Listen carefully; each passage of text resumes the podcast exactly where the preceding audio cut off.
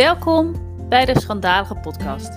Ik ben Monique, oprichter van het platform Schandalige Vrouwen. Zolang wij vrouwen worden getypeerd als schandalig, zodra we enigszins afwijken van het algemeen geaccepteerde vrouwbeeld, ben ik namelijk met alle liefde een schandalige vrouw. Eentje die gewoon haar eigen pad volgt en op die manier een stukje verandering brengt in de wereld. Beter een schandalige vrouw die vrij en schaamteloos haar eigen leven leidt, dan een stille, volgzame die het leven van een ander leeft. En ik hoop vele vrouwen met mij, want ik geloof echt dat er een schandalige vrouw in ons allemaal zit. Zij die precies weet hoe jij je eigen leven leidt, moet leiden, zodat jij het allerbeste tot je recht komt. Nou, in deze schandalige podcast bespreken we alles wat daarbij komt kijken. Eerlijk, open en vooral niks is te gek. Ik hoop je te inspireren en te motiveren altijd schandalig voor jezelf te kiezen en jouw leven zo in te richten zodat jij het allerbeste tot je recht komt. En het maakt je daarbij geen zak uit wat een ander daarvan vindt. Jouw leven, jij bepaalt. Altijd. Ja, welkom lieve mensen bij weer een nieuwe aflevering van de Schandalige Podcast. En ook vandaag heb ik weer een parel van een vrouw te gast. En wel Sabine Heuer. Zij gaat straks alles over zichzelf vertellen. Wat ik al wel vast kan verklappen is: Sabine is pilote. Heeft al haar dromen waargemaakt. Maar merkte dat het eigenlijk nog niet genoeg was. Of niet zoals ze het had voorzien. En daarom is zij een zoektocht begonnen. Nou, hoe dat allemaal in elkaar zit, bespreken we vandaag in aflevering 19 van de Schandalige Podcast. Welkom Sabine bij de Schandalige Podcast. Wat gaaf dat jij er uh, vandaag bent en meer gaat vertellen over, uh, over jezelf, over je baan, over je keuzes daarin, die misschien wat afwijken van hoe het hoort of hoe men het verwacht. Dus ik wil eerst even beginnen, uh, Sabine. Welkom en wie ben je? Ja, hallo. Nou, dankjewel voor deze introductie. En um, wie ik ben, dat vind ik meteen een uh, interessante vraag. Want uh, ja, ik ben soms best met ehm, diepe vragen bezig. En nou, vroeger dacht ik heel erg als mezelf als zijnde wat ik, wat ik doe. En tegenwoordig ehm, ja, wordt het steeds dieper en denk ik eigenlijk, ja, we maken ook nog een soort van alter ego van onszelf. Maar eigenlijk zijn wij vooral consciousness. Hè? Als je heel diep gaat, dan ben ik degene die uh, ziet wat en, en, alles meemaakt en uh, van alles voelt en van alles denkt. En uh, ik zit daar dan onder. Ja, dat klinkt allemaal misschien heel. Ga gelijk de diepte in, heel goed. Filo filosofisch, maar het helpt me wel om keuzes te maken op een heel ander, op een hele andere manier. Want als het niet, dan gaat het wat minder over hoe anderen mij zien of ja, wat ik doe, maar meer over uh, ja, wat kan ik bijvoorbeeld voor de wereld betekenen of voor uh, de maatschappij uh, of voor mijn kindjes. Het mag ook heel klein zijn. Hè? Het hoeft niet per se hele grote meeslepende dingen te zijn, maar wel dat ik denk, oh, het gaat dan wat minder over mij als persoon en um, ja, het maakt mezelf wat minder belangrijk. Dus uh, ja, dat is een beetje de vraag over nou ja, hoe ik tegenaan kijk over wie ik ben. Maar goed, ik heet Sabine. Ik woon in Aardehout met mijn gezin. Ik heb twee kindjes. Nou ja, de meeste mensen kennen mij als zijn de piloten bij KLM. Ja. Cool. En ja, je zegt meeste mensen kennen mij als piloten bij KLM. En dat, nou ja, triggert mij of nou ja, suggereert misschien van dat je, nou ja, wat je zelf natuurlijk net ook al zegt, hè, van nou ja, wie ben ik en diepere lagen eronder. Maar nou ja, qua baan uh, nu piloten uh, bij KLM en wat nog meer? Nou, op dit moment ben ik, organiseer ik onder andere ook een event en dat gaat over dat is eigenlijk voor mensen die heel veel verschillende dingen kunnen en willen en heel veel ambities hebben, maar toch ook de neiging hebben om zichzelf daarin voorbij te rennen. Ik vind dat in ieder geval heel herkenbaar. Ik vind ongeveer alles interessant, heb ik wel eens het idee. En um, ja, dan, en dan heb ik het niet eens per se over werkgebied, maar het kan ook heel erg privé zijn. Je kan ook denken van, nou, ik wil graag leren piano spelen een taal leren. Ja, of, of natuurlijk wel qua ambitie, hè, dat je denkt van, goh, ik wil gewoon een goede carrière maken of ik wil meer klanten als je ondernemer bent. maar ja, er zijn altijd uh, superveel manieren om het te doen. Hè? Ik bedoel, kijk dan naar voor jou, weet je, je kan, wij zijn nu een podcast aan het opnemen, maar je kan ook blog schrijven, je kan uh, ook um, gewoon active outreach doen. Er zijn altijd zoveel manieren en soms voelt het dat je alles wil doen. En niet alleen maar omdat het moet, maar ook misschien wel omdat je het wil. Of dat je denkt dat je het kan. Of dat je jezelf daarin wilt ontwikkelen. En ik heb het idee dat het beter is dat je focust op wat minder. En, maar hoe kies je dan, zeg maar? En dan uh, organiseer ik dus die dag om daar een hele dag uh, bij stil te staan. En te bepalen wat je focus is. En dan niet alleen maar met je hoofd, maar ook vanuit je gevoel. Van wat dan hetgene is wat op dit moment even op het, uh, boven op het lijstje mag staan. En het is dan echt voor, voor maar drie maanden. Dus het is uh, wat, dat betreft een, uh, een kleinere periode. Dus je hoeft ook niet meteen voor de rest van je leven allerlei beslissingen te maken. Dus dat is heel concreet wat ik nu organiseer. En in zijn algemeenheid ben ik eigenlijk gewoon, ik zeg dan eigenlijk, ik ben bezig met uh, uh, levensvragen en hoe je dat concreet kan maken in, uh, in het dagelijks leven. Dus dat doe ik dan onder andere met deze dag, maar het kan ook met bijvoorbeeld één op één begeleiding. Oké, wauw. Hey, mooi is dat inderdaad. Dus in, wat je zegt, een dag brengt focus voor de komende drie maanden. En voordat we er naartoe gaan, inderdaad, van nou ja, goed, hoe, hè, hoe ben je erop gekomen om dit te gaan doen? Misschien eerst inderdaad eventjes, uh, hè, jouw, jouw doelgroep, zijn dat dan de multi-passionates, zoals we dat, uh, de term, zeg maar, uh, kennen tegenwoordig? Mensen die veel dingen leuk vinden, veel dingen tegelijk willen doen, maar daar dan toch een beetje de, de focus in kunnen aanbrengen om het nou ja, ook realiseerbaar te maken. Begrijp ik dat dan goed? Ja, zeker. Uh, dat denk ik uh, wel, dat dat een term is die goed past. Uh, tegelijkertijd vind ik passie een lastig woord. Want ik heb het idee dat doordat ik veel dingen interessant vind, weet ik niet of ik ergens echt een passie voor voel. Dus misschien ben ik niet multi-passionate, zeg maar, want dat vind ik dan heel lastig. Voor mij mag het allemaal wat minder groots wat dat betreft. Want dat, dat, ja, met een passie heb ik het idee, heb ik juist het idee dat het, dat het juist snel één ding is, wat dan heel erg wat met je doet. En ik denk, nou, ik ben gewoon meer nieuwsgierig en ik vind heel verschillende dingen leuk.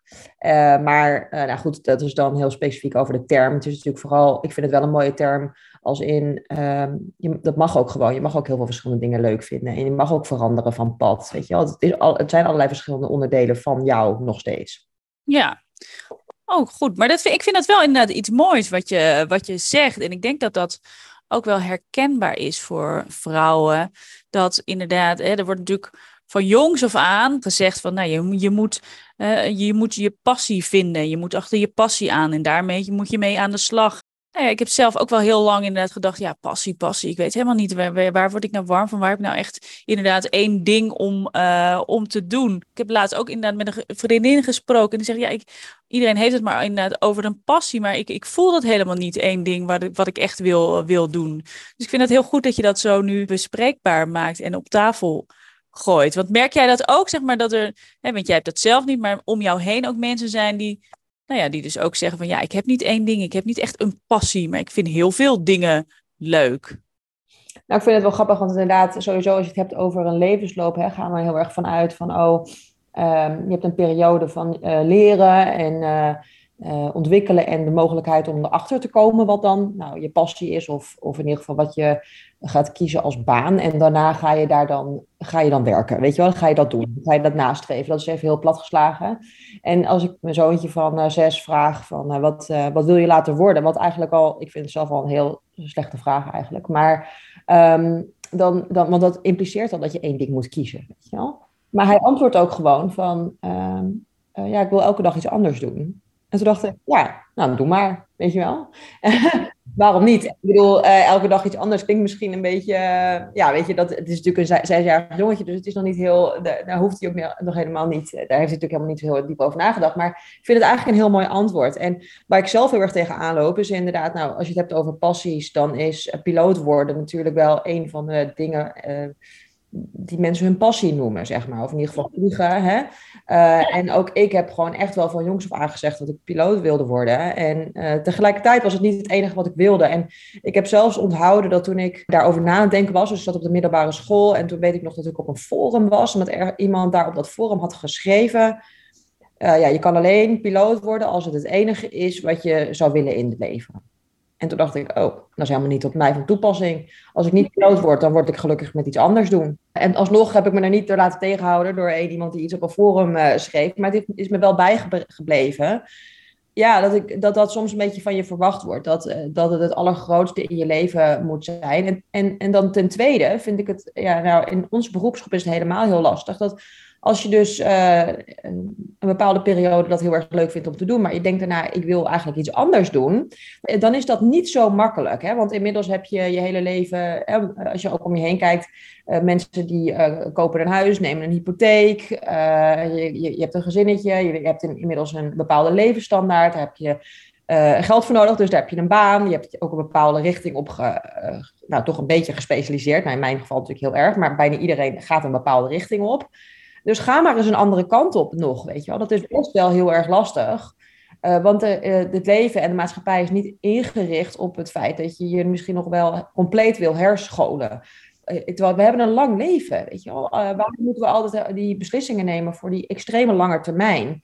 Je neemt op de middelbare school een afslag richting exacte vakken en je zou bij wijze van spreken later niet meer een taal kunnen gaan doen. Of, nou ja, zo kan je voorbeelden noemen. En ik probeer mijn kinderen wel mee te geven van zorg gewoon dat je een bepaald potje opbouwt, zodat je die mogelijkheid wel aan jezelf kan geven. Dat je jezelf bij wijze van spreken een paar jaar zou kunnen vrijspelen, om gewoon helemaal een andere kant op te gaan. Kijk, ik kan niet in mijn eentje een hele maatschappij veranderen. Dus, uh, maar ik, zou het best wel fijn vinden als je ook op latere leeftijd gewoon nog meer mogelijkheden zou krijgen. Hè? Waarom zou, zouden, ik zou het best wel leuk vinden, nu ben ik inmiddels 37 uh, om ook nog eens een stage ergens anders te lopen of zo, weet je wel. Maar dat is best wel gek natuurlijk, hè? want dat, is meer, dat zijn meer functies die je dan uh, doet als je, als je jonger bent. Terwijl nou, ook op latere leeftijd kan je best nog uh, iets anders gaan doen. En ik denk juist dat het ook heel waardevol kan zijn, want je neemt natuurlijk wel je expertise mee van nou, die andere richting die je gekozen hebt. En nou, dan krijg je een soort van fusion van uh, expertises. En volgens mij is dat de voedingsbodem voor creativiteit en innovatie. Ja, oh mooi inderdaad, ja. We, we gaan heel erg al, nou ja, vanaf de, de basisschool, middelbare school natuurlijk al, dat je heel erg gedwongen wordt een, uh, een pad te kiezen. En dat kan en dat mag en dat kan helemaal goed ook uh, voor je uitpakken. En dat kan op dat moment natuurlijk ook inderdaad het juiste pad zijn in de juiste richting. Maar ik vind het inderdaad heel mooi wat je zegt, dat, dat we er nu, uh, de maatschappij en dus ook niet hoe wij er tegenaan kijken, uh, op ingericht zijn om uh, een ander pad in te slaan. En dus ergens anders stage te gaan lopen. En, en, en daar weer een nieuwe carrière in, in op te bouwen. En, of gewoon eens even inderdaad eh, te koekeloeren bij allerlei andere eh, branches. Hoe het daar, uh, aan toe gaat. Dat zijn we helemaal niet gewend, niet ingericht. Dus vinden we dat ook gewoon ook een beetje, een beetje vreemd. En um, ik heb het zelf inderdaad ook wel gemerkt. Dat ik heb ook een, nou, op een gegeven moment een andere weg in, ingeslagen.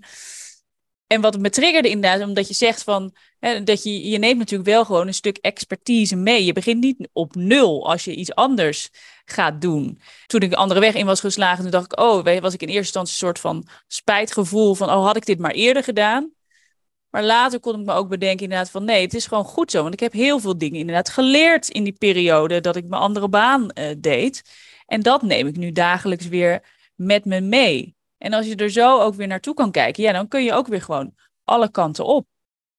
Ja, nou ja, uh, helemaal mee eens. En ik heb het idee dat uh, als je bijvoorbeeld een andere weg uh, zou willen inslaan, bijvoorbeeld, hè, dat, het hoeft niet eens zo heel rigoureus is, dan is het dus ook erg dat je gestimuleerd wordt om daar heel erg hard en diep over na te denken. En ik noem dat voorbeeld stages, omdat, ja, dat is, het, ik heb het idee dat dat het heel moeilijk is. Hoe ga je nou al denkende erachter komen of je iets anders wel of niet leuk vindt. Want kijk, we kunnen, dat is wel interessant van de mensheid, wij kunnen van alles bedenken en simuleren in ons hoofd en onze gevoelens erbij. Alleen als je totaal iets nieuws gaat doen, dan simuleer je het natuurlijk sowieso verkeerd. Want ja, dan heb je een bepaald beeld van een bepaald beroep. Dus ik denk dat een heleboel mensen ook een bepaald beeld hebben van het beroep piloot. En die denken, nou, uh, zo is het. En dat kan, er zitten wat positieve dingen in en wat negatieve dingen in. Maar dat is natuurlijk niet realiteit voor jou, uh, als je daar eenmaal in zit. Dus je kan, nou ja, het, werkt al als je natuurlijk met mensen gaat praten. Maar ik merk in ieder geval van, ja, ik weet eigenlijk wat weet ik nou van hoe de corporate wereld eruit ziet? Weet je wel? Ik weet eigenlijk helemaal niet hoe dat is, hoe dat voelt als je daar, als je binnenkomt lopen en je hebt een bepaald project waar je eindverantwoordelijk voor bent. Of bent ja, weet je, er zijn zoveel uh, uh, beroepsgroepen waar ik eigenlijk helemaal geen feeling heb hoe dat is, dag in dag uit. Uh, en dan helemaal nog niet hoe, het, hoe ik me daar dan in zou uh, verhouden. Dus ja, het is jammer dat je op latere leeftijd niet meer de mogelijkheid krijgt om daarin te kijken. Zeker omdat je gewoon op het moment dat jij zelf werkt, heb je een andere referentiekader. Dus op het moment dat jij wel uh, mogelijkheden hebt voor, voor jezelf, of om, om even ergens in de keuken te kijken, vaak op de middelbare school of tijdens een studie, dan heb je vaak zelf nog niet zo'n werkervaring. Dus dan kijk je, dan, dan zie je ook andere dingen. Op het moment dat je Kijk, hetzelfde is, ik ben nu moeder. Ik zie nu andere gezinnen ook compleet met een andere bril op. Terwijl ik ben daarvoor natuurlijk ook bij kinderen en gezinnen geweest. Maar dan had ik hele andere meningen en ideeën over. En nu denk ik, oh, maar wacht eens even. Dit is wel eventjes anders. Echt compleet 180 switch een beetje. Ja, en dus ik, ik heb gesimuleerd van hoe het was om moeder zijn, te zijn van tevoren. Maar dat was toch echt heel anders in het echt. En zo is het natuurlijk met alles. Dus ja, ik, ik ben echt van, ja, ga, ga het maar doen. Alleen dat is dus best wel lastig. Ja, nou, dat is het zeker inderdaad. En hoe heb jij dat gedaan? Uh, want jij bent uh, geworden. Hoe lang ben je eigenlijk al nu uh? En, en wanneer kwam er voor jou iets van, nou ja, goed, weet je, dit piloten zijn is niet alles voor mij. Ik wil er andere dingen naast doen. En ehm, weet je, hoe heb je dat gedaan? En hoe kijken je collega's daarnaar? Dat kan ik me ook nog wel iets bij voorstellen. Ja, dat is best wel grappig, want uh, nou, ik vlieg nu uh, ruim 15 jaar voor KLM. Dus uh, ja, best wel een heel, hele periode. En toen ik klein was, denk ik of zo, ik had een bepaald toekomstbeeld en ik wilde dus piloot worden. En ik wilde ook in een mooi huis wonen en ik wilde heel graag een, een, gezinnetje hebben. Dus op een gegeven moment was er een moment dat ik het allemaal had bereikt. Het was ongeveer, ik was 31, toen had ik mijn, zoontje uh, gekregen. En ik woonde heerlijk dus uh, hier met mijn gezin. En ik was piloot. En toen dacht ik, ja, waarom ben ik dan nu niet on top of the world? Hè, waarom voel ik me nu niet ultiem gelukkig? Dus ik had wel redelijk met uh, oogkleppen op was ik doorgegaan naar dat doel. En toen, ja, toen ik daar was, dacht ik, oh, wacht eens even. Um, maar ja, is dit het wel? En nou ja, misschien een beetje midlife crisis-achtige vragen. Hè? Van, is dit alles ja, wat ik ooit heb bedacht? Nou, dat is eigenlijk wel. Maar vervolgens was, ik eigenlijk wel uh, zo ver gekomen van mijn eigen.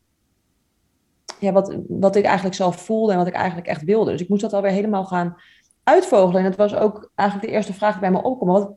Wat, wat, wil ik dan? Hè? Wat wil ik dan eigenlijk echt? En ik had daar niet meteen een antwoord op. Want uh, ik vind ik ook niet zo gek eigenlijk, weet je wel. Als ik dat antwoord meteen zou hebben, dan ja, was ik er misschien lang aan het doen. Hè? Ik bedoel, het was, ik was er natuurlijk ver van, vandaan. Dus als je er in een hele periode steeds uh, met kleine stapjes verder vandaan geraakt, dan moet je ook niet verwachten dat je er ineens weer terug bent. Dus ik denk dat ik eigenlijk ben gaan experimenteren nou ja, ik ben op Instagram gegaan en daar ben ik wat uh, actiever geworden. Ik ben mensen gaan, bepaalde mensen gaan volgen. En toen dacht ik, nou, dat is het ook weer niet. En ik heb uh, bepaalde ideeën gelanceerd. Ik weet het niet eens meer precies. Maar uh, volgens mij heb ik op een gegeven moment dacht ik, ik ga mastermind opzetten. En nou, dat had ik helemaal niet de ja, ik had niet helemaal de volgers ervoor. Het was heel moeilijk. Ik wist eigenlijk niet hoe. Maar ik ben het wel gaan doen. Ik ben allemaal in gaan proberen en dan weer af gaan ketsen. En heel ongemakkelijk werd ik daarvan. Want ik dacht, jezus, eh, ik kan niet eens iets doorzetten, weet je wel. En dan om elke keer weer iets te beginnen en weer te stoppen.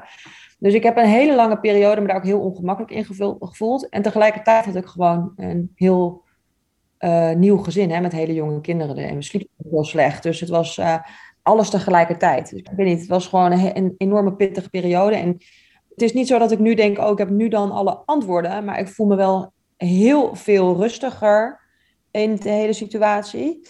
Ik omarm eigenlijk helemaal het, het feit dat ik nu eventjes korte termijn elke keer iets oppak en kijk hoe het is.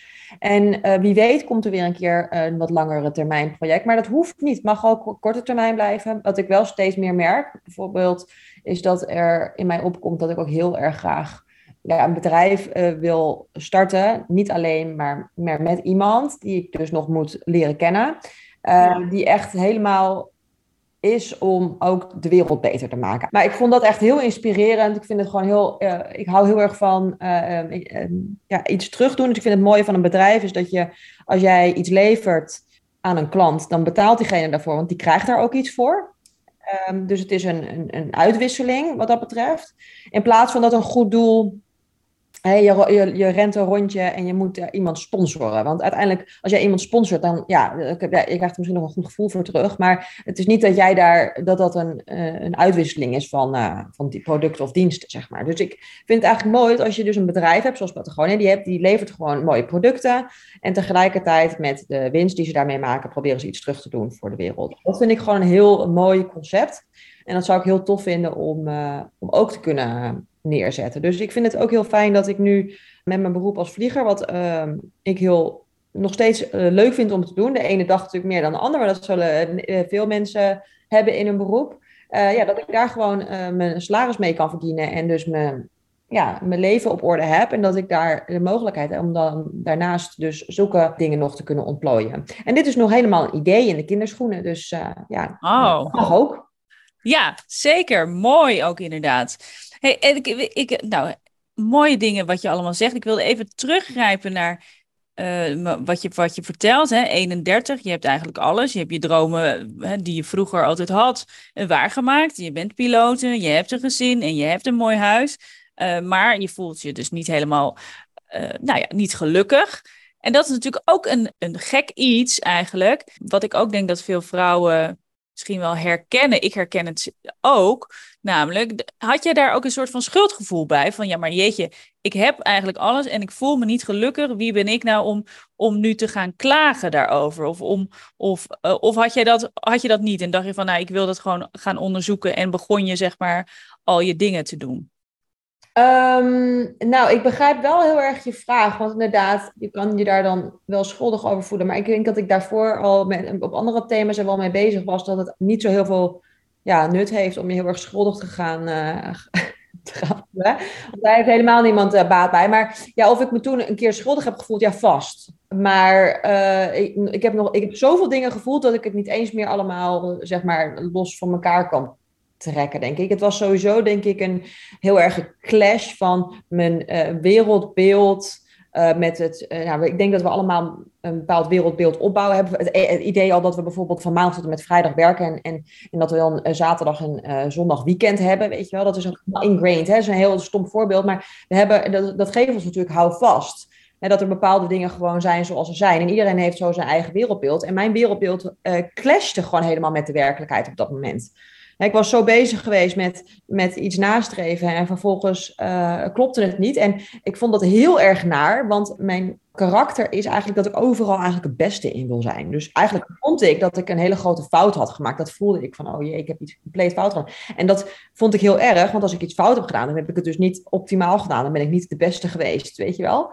En dus dat wilde ik eigenlijk ook niet toegeven. Dus het was een heel, heel soort van, van uh, dubbel iets daar had ik denk ik meer last van. Van het opgeven van mijn identiteit. Uh, die zo opgehangen was aan dingen die, waarvan ik nu denk, ja, dat is helemaal niet nodig. Weet je wel? Ik ben, al zou ik helemaal um, niks meer doen en op de bank gaan hangen en, en nou, dat is het dan, dan ben ik ook nog een waardig persoon. Hè? Ik, ik denk, ik vind het veel prettiger om vanuit een intrinsieke motivatie en, uh, iets te doen. Ik geloof er gewoon in dat, dat er dan nog steeds heel veel uit je komt. Hè? Het hoeft niet vanuit de andere kant, vanuit een uh, top-down, ik, ik moet dit bereiken, want dan ben ik iets of zo. Of dan vinden andere mensen iets van me. Nee, heel erg vanuit je, inner, ja, je innerlijke beweging. Dan is het namelijk, dat, ook, dat voelt heel veel rustiger. Uh, je bent veel minder energie kwijt, dus je kan juist heel veel meer energie geven aan mooie dingen. Want je hebt minder last ook van kritieken. Want je doet het niet echt voor de, of je doet het gewoon niet voor de goedkeuring van anderen. En ja, dat, dat sluipt er soms toch een beetje in, hè? Dat, je, uh, dat het ook wel heel lekker is om een bepaalde status te hebben of een bepaalde prestige. Hè? Dat mensen naar je, naar, naar je kijken en denken, nou wauw, weet je, gaaf wat je doet. Dat, dat sluipt er heel snel in. Het is gewoon een menselijk iets. Ze zeggen niet voor niets van, nou, dicta uh, dictators zijn gevaarlijke mensen. Dat, dat waren ze niet toen ze geboren werden meestal. Hè? Maar het is gewoon, als je macht hebt, dan ja, macht corrumpeert. Dat, dat gaat gewoon heel snel zo. Dus het is echt wel actief actieve beweging om dat niet aan te gaan, zeg maar.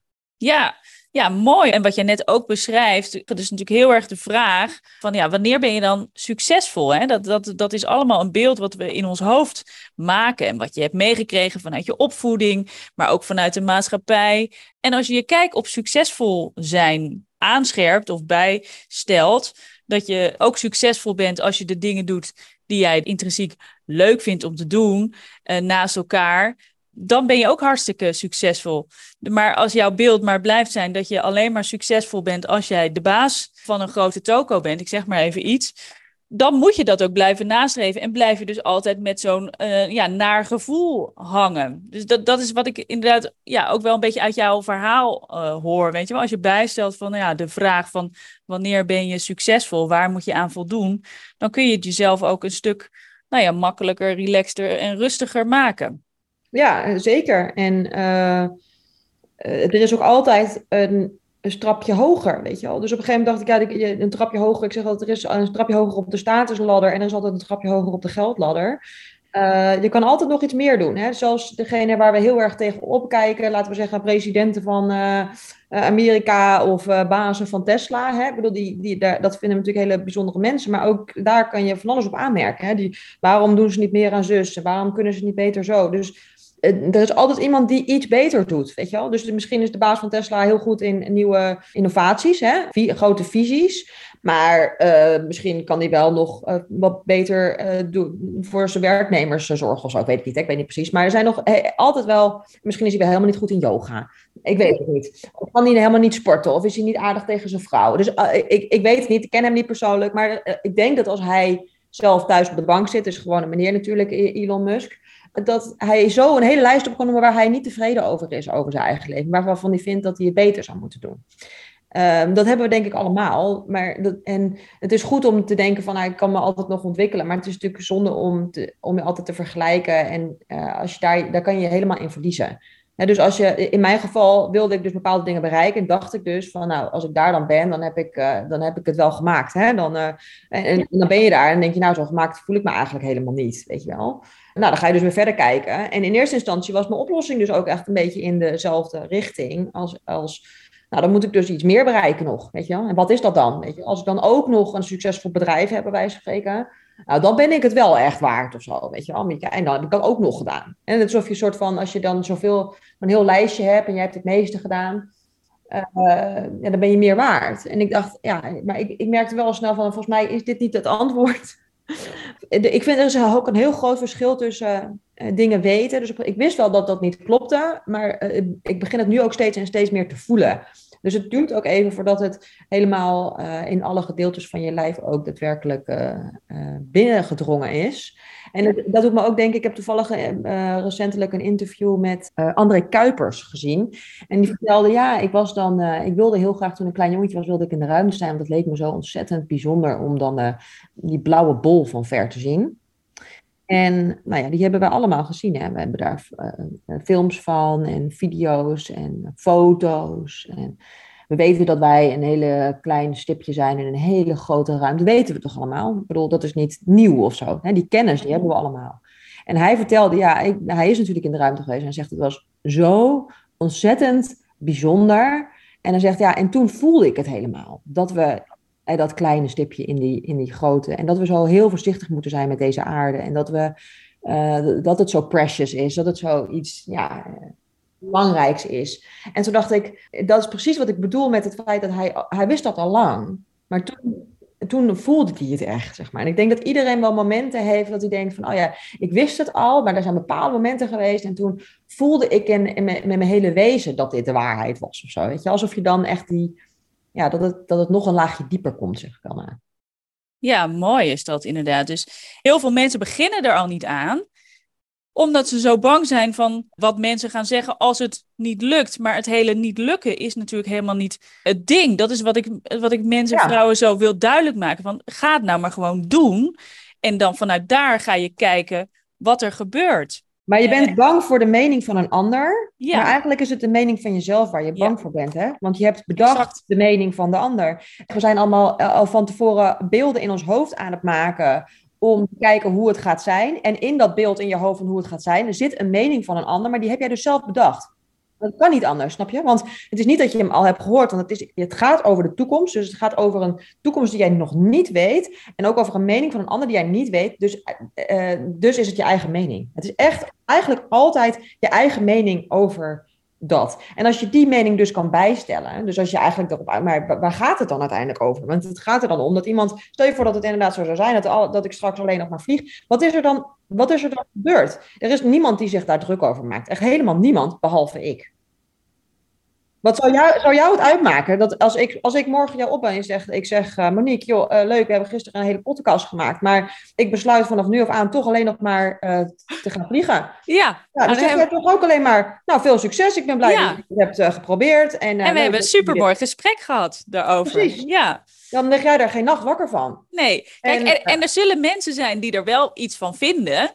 Ja. Maar dat komt dan alleen maar weer ook vanuit een, een, een gevoel vanuit hunzelf. Weet je wel? Dus zij zijn dan weer inderdaad er heel erg mee bezig van, die willen iemand anders zien falen, want dan kunnen zij ook, uh, of falen, maar weet je wel, in hun ogen falen, want dan kunnen zij rustig blijven zitten. Van, ja, zie je nou wel? Dat kan jou alleen raken als jij een gedeelte van die mening dus deelt. Want anders dan denk je, oké, nou leuk voor je dat je dat denkt. Ik heb daar geen last van. Ik heb het best wel een grappig beroep. Als ik dan land op de polderbaan, staan er allemaal mensen. Die staan daar langs de, uh, langs de baan. Die staan dan uh, te kijken van, nou kijk eens, er, landt vliegtuigen. Sommigen die, die gaan, uh, gaan klappen, weet je wel. Nou, dat vind ik heel leuk. Maar ik zit daar en ik ben geland. En ik denk, oh, een fijn, is bijna afgelopen. Ik ga straks lekker naar huis toe, weet je wel. Ik voel niet echt, zeg maar, of daar nou 1, 2, 3 of 4 of 10 mensen staan of geen mensen staan. Ik voel niet dat zij voor mij klappen of zo, weet je wel. Het is hun momentje, dat, dat is echt helemaal van hun, dat zij het leuk vinden. En zo is het dus ook met de meningen van anderen. Kijk, op het moment dat ik het wel voel dat die mensen allemaal klappen, dan vind, dan, dan, dan vind ik het zelf heel cool dat ik aan het doen ben. Want dan voel ik dat. Ik kan, ja, je kan niet echt de, de mening van iemand anders voelen voor mij, als er niet ook een gedeelte in zit dat je zelf daarvan hebt. Dus het is eigenlijk gewoon ego-werk, zeggen ze dan. Dus echt uh, aan de slag gaan met, je, met die, met die meningen. En het helpt dus ook heel erg als je daarmee aan de slag gaat. Um, hoe kijk je zelf dan inderdaad naar anderen die dat doen? Hè? Als je zelf inderdaad allemaal meningen hebt over andere mensen die uh, nieuwe dingen gaan proberen, of je hoort mensen daar dingen over zeggen, je zegt, oh jeetje, dat, ja, um, dat, vind, dat, dat vind ik wel heel raar, want diegene heeft al helemaal, uh, is helemaal die kant op gegaan en nu gaat hij uh, compleet anders doen. Als jij dat over andere mensen denkt, dan ben je dus dan is dat dus, dan ben je vervolgens ook bang dat mensen het over jou gaan denken. Maar als je aan, aan daarmee aan de slag gaat, wat je, er zelf, ja, wat je er zelf van vindt, dan kunnen mensen je echt minder raken. Ja, mooi is dat inderdaad. Dus het, het ligt inderdaad echt allemaal in onszelf. En als je jezelf dus ook gewoon toestaat om dingen uit te proberen en uh, te kijken waar het schip strandt, uh, vandaag voor A te kiezen. En als het niet goed voelt, dan kies je er de dag daarna weer voor B. Om zo gewoon erachter te komen, inderdaad, wat jou het beste past en waar jij het meest nou ja, gelukkig van wordt. En ik denk toch dat dat wel ook echt iets is waar we naar streven. Want ik zeg altijd, als jij zelf nou ja, gelukkig bent, ben je een fijne persoon om, om mee om te, gaan, om te gaan. En kan je ook beter, hè, als je met jezelf bent verbonden, kun je ook pas echt goede verbinding aan met andere mensen. En ik denk dat dat ook gewoon iets is wat we natuurlijk gewoon heel erg nodig hebben in, in, uh, in de wereld. als je het hebt over de wereld een stukje mooier maken, ook een van jouw passies is natuurlijk ook gewoon die verbinding aangaan met elkaar. Dat kan het beste als je in pure verbinding staat met jezelf. Ja, zeker. Absoluut. Hoe meer je oké bent met jezelf op allerlei vlakken, want dat is eigenlijk natuurlijk gewoon zelfliefde, hoe uh, minder je dus met die meningen bezig bent. Dus hoe meer je gewoon kan luisteren naar wat iemand echt zegt, wat iemand echt vindt. Ik moet wel zeggen, de kanttekening vind ik wel dat, het, waar ik het lastig vind, is natuurlijk, we zijn in verbinding met anderen, we maken dus ook beloftes naar iemand anders. Hè? Dus als ik bijvoorbeeld zeg, hey, ik organiseer een dag en vervolgens uh, gaan mensen zich daarop inschrijven, die vragen vrij, die hebben daar rekening mee houden. En vervolgens doe ik het toch niet, dan ben ik wel mensen aan het teleurstellen. En dat is een moeilijk punt, zeg maar. Hè? Want welke beloften heb je eigenlijk allemaal gemaakt? En, uh, op wat voor manier kan je er soms weer onderuit? Hè? Dat, dat, is ook binnen een baan. Waarom gaan we in een burn-out? Dat denk ik omdat je het gevoel hebt dat je een belofte hebt gemaakt die je niet wil breken. Omdat je het niet fijn vindt om ja, aan te geven dat, je, dat het toch niet lukt wat je wel beloofd hebt. Dat is heel moeilijk. Je geeft eigenlijk een soort van toe van, nou ja, ik heb, uh, ik, ik heb dat verkeerd. Maar als je op die manier brengt, dan kunnen mensen het alweer hebben, hè, denk ik. Als je het bij jezelf zegt van, uh, joh, uh, ik heb dit beloofd. Het, ik, ik heb het verkeerd ingeschat. Ik, ik moet helaas toch voor mij dan die dag afzeggen. Of ik heb een bepaald, op je werkgebied kan het ook zijn. Hè? Ik heb dit, deze baan geaccepteerd. Want je je, je, wil ook soms een beetje uh, groots denken. Mijn, uh, mijn quote is vaak fake it till you make it. Vind ik een mooie. Omdat je kan niet groeien als je niet af en toe een beetje uit die comfortzone komt. Hè? Dus als je jezelf een beetje denkt van nou, ik kan het nog niet, maar ik ga het toch doen. En dan blijkt, hé, hey, ik, ik groei erin en dan lukt het toch. Dat lukt heel vaak wel. Maar als je dat doet, dan ga je gewoon ook een keer iets aan wat bleek dat je toch ook echt, echt niet kon. Kan toch? Heb je toch iets aangepakt waarvan je dacht, nou, dat ga ik gewoon doen. En het kon toch niet. Dus je hebt het gefaked en, en niet gemeekt. Dat kan. En dan is het dus weer zaak om gewoon dat weer helemaal te ownen. Weet je wel? Zo van, ja, ik, ik, dat was mijn doel. Ik wilde er heel graag in groeien. En ik dacht dat ik het kon, maar kon het toch niet. Dus ook gewoon, uh, als je dan dus weer bij de ander kan zijn. Want dat is hetgene wat, je, wat pijn doet. Hè? Als je bijvoorbeeld te laat komt. Misschien een klein, nog een kleiner voorbeeld. Als ik eh, te laat in de auto stap, om wat voor reden dan ook. Uh, en ik heb om een bepaald tijd met iemand afgesproken en ik ben te laat. Dan zijn we heel erg geneigd om te vertellen waarom we allemaal niet te laat zijn. En dus we zeggen sorry, want uh, de, de stoplicht stond op rood. En ja, ik moest op het laatste moment nog even heel nog naar het toilet. En, maar al dat soort dingen, redenen, zijn dingen over jouzelf. Dus je bent eigenlijk je, je eigen straatje aan het schoonvegen op dat moment. Maar wat die ander, waar, waar, je eigenlijk druk om maakt, is het feit dat je het best wel vervelend vindt dat die ander op jou zit te wachten. He, dat het voor die ander niet leuk is dat diegene er al is uh, en, en jij er nog niet bent. Dus als, je, als jij oké kan zijn met ook al die fouten die je hebt gemaakt. Hè, dus um, nu zei ik nog dingen die misschien buiten je eigen uh, macht lagen. Maar het kan natuurlijk ook zijn dat er wel iets is waar je gewoon zelf niet goed hebt ingeschat. Maar uh, uiteindelijk als je dat dus even aan de zijkant kan zetten. Kan zeggen, goh, ik heb het gewoon niet goed gedaan. En ik vind het nu heel vervelend dat jij op mij moet wachten. Mm-hmm. Dat komt zoveel mooier over. Want dan ben je bij de ander in plaats van bij jezelf. Ja, ja, mooi ook inderdaad. Ja, en ik, ik denk ook helemaal eens met, met wat je zegt. En um, wat ik zelf altijd zeg is, je mag alle keuzes maken in het leven. Als je maar realiseert dat elke keuze consequenties heeft waar je mee moet omgaan en verantwoordelijkheid van je vraagt, die je daaraan uh, moet geven. En als je, als je die twee dingen um, kan geven en mee omgaat, dan mag je in principe alles, alles kiezen.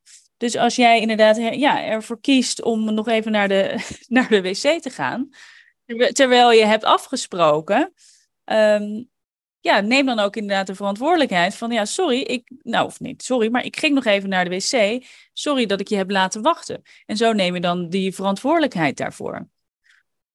En, en wat je zegt, van mensen in een burn-out, hoe mensen in een burn-out raken, ja, is omdat ze lang niet altijd willen. Um, hè, in eerste instantie leggen mensen het vaak inderdaad buiten zichzelf, omdat ze toch niet die verantwoordelijkheid in willen nemen. Van ja, ik heb, ik heb te veel hooi op mijn vork genomen. Ik, kan het niet aan en ik moet dat bespreekbaar maken. En, en dat kan ook al niet, niet altijd, hè? want soms gebeuren dingen natuurlijk ook vaak uh, onbewust en ben je er al mee bezig zonder dat je het helemaal door hebt. Maar ik denk wel als je dat inderdaad kan inzien en daar dus ook inderdaad nou ja, over praat en dus daarin ook weer je verantwoordelijkheid pakt. Vind, verantwoordelijkheid vind ik gewoon een heel belangrijk ding, omdat je gewoon heel ja, ver kan. Het, het helpt je gewoon om zaken aan te pakken en ook inderdaad om het bij, je, bij jezelf te houden.